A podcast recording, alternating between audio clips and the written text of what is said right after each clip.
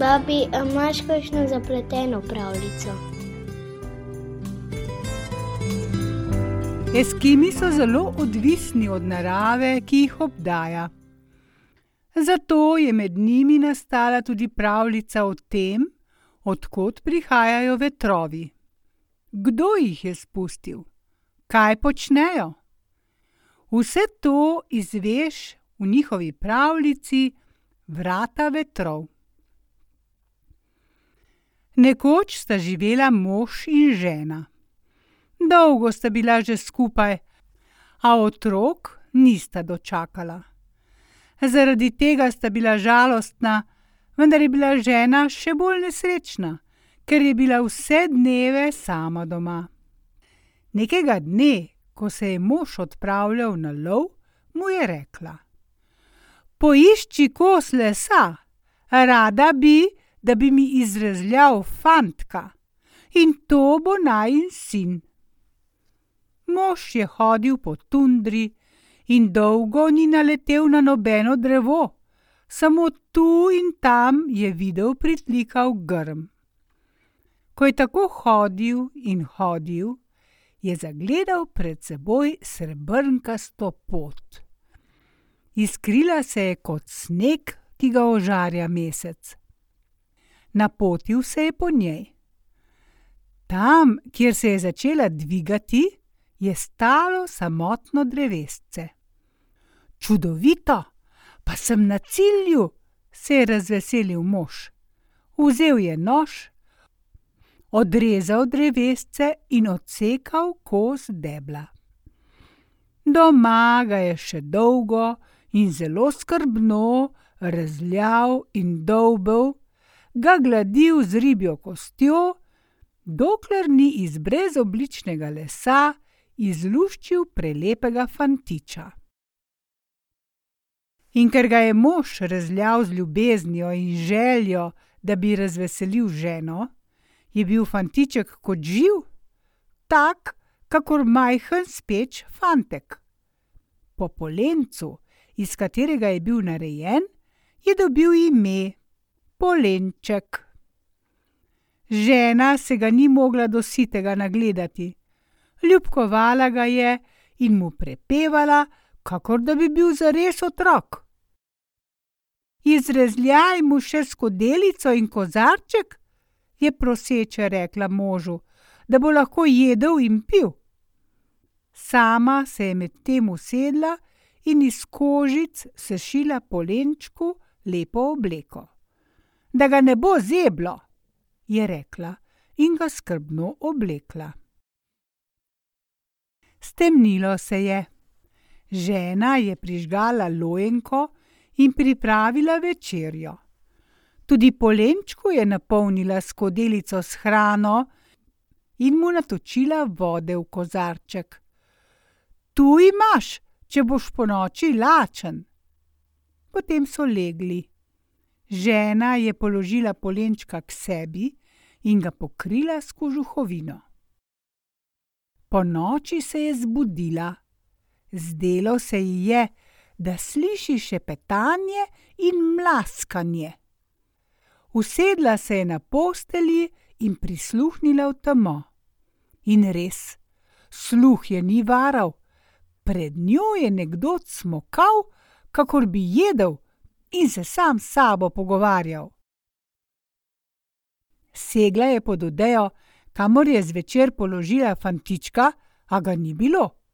Zbudila je moža, potem pa vstala in prižgala lojenko. In kaj je videla? Pri skledici je sedel polenček, se mastil s koščki mesa, ki mu jih je bila pripravila, kimal z glavo in nekaj mrmral. Ko jo je zagledal, je zamežikal in se ji veselo nasmehnil. Saj je živ, je vzkliknila žena. Poglej, mož, saj je živ. Skočila je, vzela polenčka v naročje in ga dala možu. Pravega, živega sina imava, se je razveselil tudi mož. Potem od veselja še dolgo nista mogla zaspati. Zbudila sta se pozno zjutraj in njun prvi pogled je veljal po lenčku. A fantek je izginil. Preiskala sta vse kotičke in skrivališča, a v fantku ni bilo ne duha, ne sluha. Pravzaprav ne čisto. Ko je stopil mož iz koče, je zagledal v pršiču otroške stopinje. Vodile so v tundro. Za njim bom šel, je rekel mož, moram ga najti. Še sreča, da je po noči zapadel sneg, je pomislil in se napotil po polenčkovih stopinjah. Vodile so ga vedno globje v tundro. Ustrajno je šel po tej verižici drobnih stopinj, dokler ni prišel do kraja, kjer je bil odrezal drevesce, iz katerega je potem izvezljal fantička. Pan je bil še tukaj, poleg njega pa je ležal kos drevesca. Tu so se stopinje izgubile. Pred njim se je nekam v višave dvigala srebrnkasta pot, ki se je iskrila kakor sneg, ožarjen z mesecem. Mož si ni upal naprej. Domov se je vrnil praznih rok. Kaj pa polenček? Ko se je po noči najedel in zaspal, je imel čudne sanje. Pred sabo je videl žarek, čigar soj ga je nenehno vabil, kakor da mu pravi: Sledi mi, sledi mi. Polenček se ni mogel upreti rotečemu vabilu. Vstal je, si zataknil za pas nož, s katerim je oče izrezljal njegovo telo, in zapustil dom, kjer mu je materina ljubezen vdihnila življenje.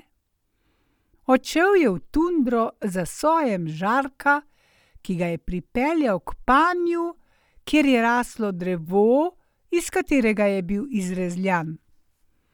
A žarek ga je vodil naprej, in deček se je začel nenadoma uspenjati po srebrnkasti poti navzgor.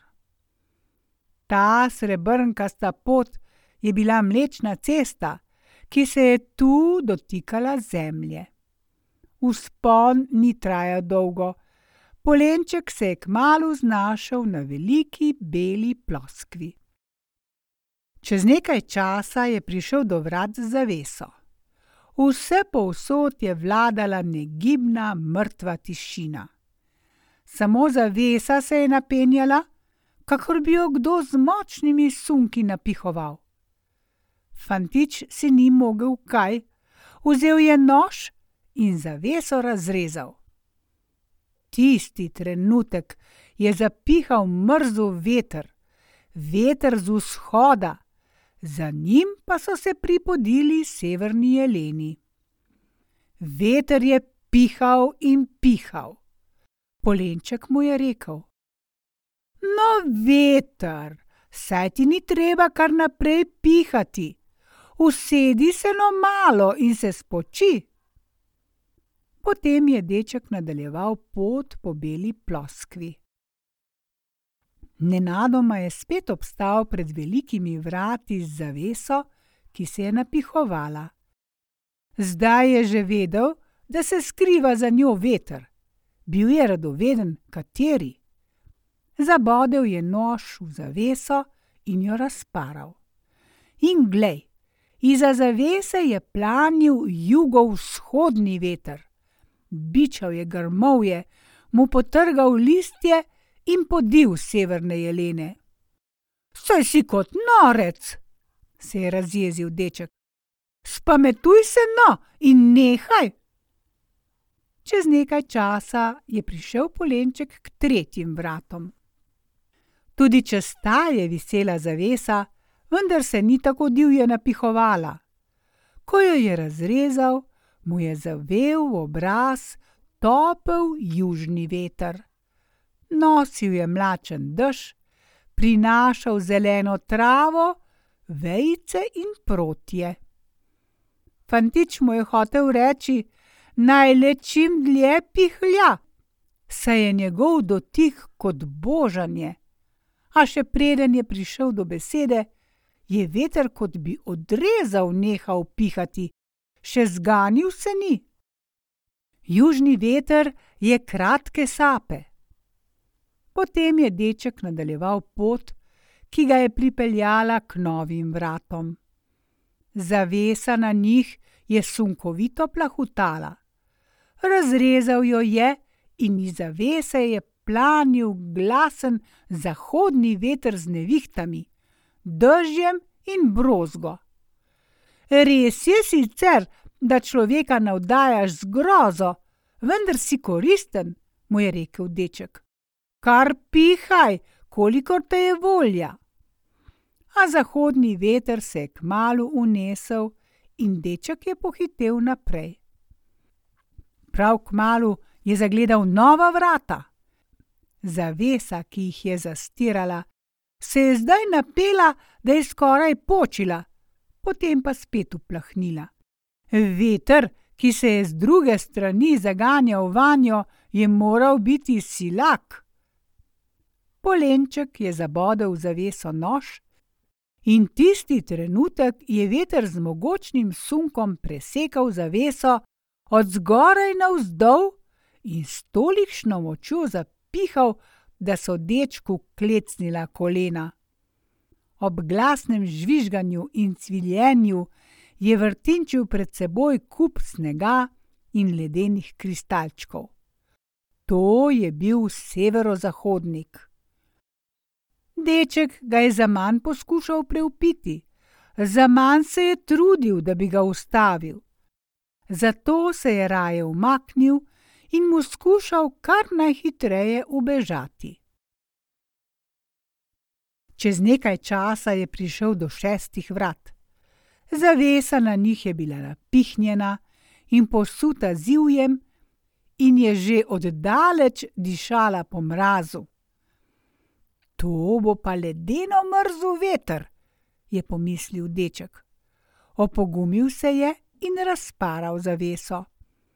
Lica mu je v trenutku ožgal tak leden piš, da so mu navrele solze v oči in pri priči zmrznile v ledene kroglice. Polenček si je zakril obraz z rokami, vendar so mu skoraj zmrznile. Nehaj veter, saj boš vse požgal, je skliknil deček, a za manj. Severni veter je bril in bril, in v njegovem ledeno mrznem pišu je vse na zemlji zmrzovalo in drevenelo. Deček je začel bežati in je obžaloval, da je spustil v svet tak ubijalski veter. A kar je bilo, je bilo, stvari ni mogel popraviti. Fantič je hodil po beli mlečni cesti, dokler ni prišel na njen drugi konec, odkuder je vodila srebrnkasta pot proti zemlji. Obotavljal se je, potem pa si je rekel: Kaj bi tukaj na tej mlečni pustini, na zemlji so vsaj ljudje?